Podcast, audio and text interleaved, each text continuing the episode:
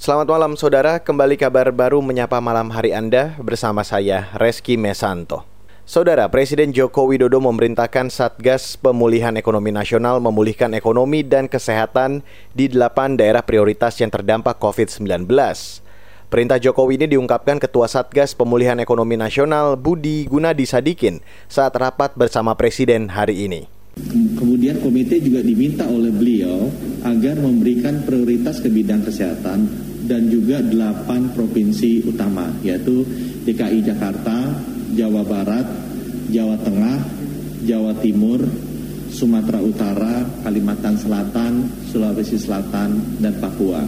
Bapak Presiden juga memberikan arahan agar komite bisa mempercepat dan mengoptimalisasikan serapan anggaran untuk stimulus sampai akhir tahun ini.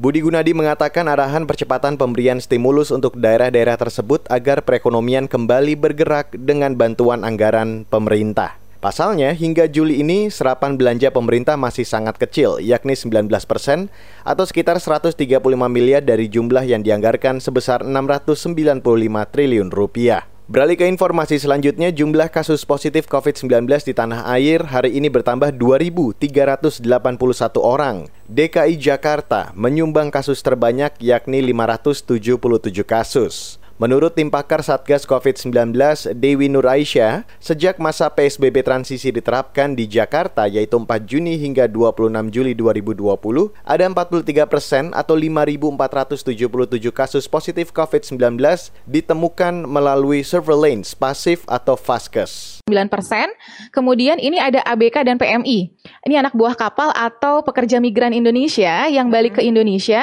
ini sekitar oh, 5,8 persen karena Jakarta kan tempatnya hub Betul. nih untuk semua orang datang. Semua ketemu di sininya. Betul. Baik. Jadi ada hmm. 5,8 persen. Kemudian pasar ini peringkat keempat hmm. sekitar 4,3 persen. Kemudian kita lihat yang selanjutnya adalah perkantoran. Perkantoran ini sekitar 3,6 persen. Dengan penambahan 2.381 pada hari ini, maka secara kumulatif kasus COVID-19 di Indonesia mencapai lebih 140 4.000 orang. Jumlah tersebut merupakan penambahan kasus baru tertinggi kedua dalam sehari. Sebelumnya, Satgas COVID-19 mencatat penambahan kasus baru tertinggi pada 9 Juli 2020 sebanyak 2.657 kasus baru. Namun angka kesembuhan pasien terinfeksi virus COVID-19 bertambah hampir 1.600 orang, total mencapai lebih 62.000 orang. Jumlah pasien meninggal juga bertambah 74 orang pada hari ini, total meninggal 4.975 orang. Saudara Organisasi Angkutan Darat atau Organda memastikan keamanan dan kenyamanan penumpang tetap terjaga saat mudik Idul Adha, yakni dengan penerapan protokol kesehatan dan penyesuaian kapasitas penumpang di dalam angkutan.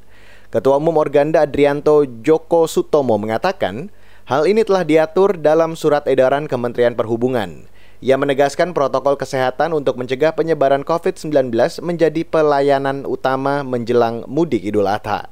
Nah, fokus utama juga tentunya di angkutan umum asal penumpang yang lebih rawan di antara penumpang yang lain kan itu yang selalu menjadi menjadi pembahasan sehingga dari pemerintah sendiri melakukan uh, surat edaran mengenai kapasitas jumlah penumpang dengan harapan uh, tentunya target sebagai uh, di antara penumpang yang tidak bersama uh, itu tidak langsung berhadapan dan mengurangi kontaknya. Adrianto menambahkan angkutan penumpang merupakan moda transportasi yang beresiko bila jumlah penumpang disamakan dalam keadaan normal. Karena itu, pengecekan suhu penumpang, sterilisasi disinfektan angkutan, dan pengaturan kapasitas dengan jarak tertentu menjadi standar operasional prosedur yang harus dijalankan seluruh anggota organda di tanah air. Demikian kabar baru KBR, saya Reski Mesanto.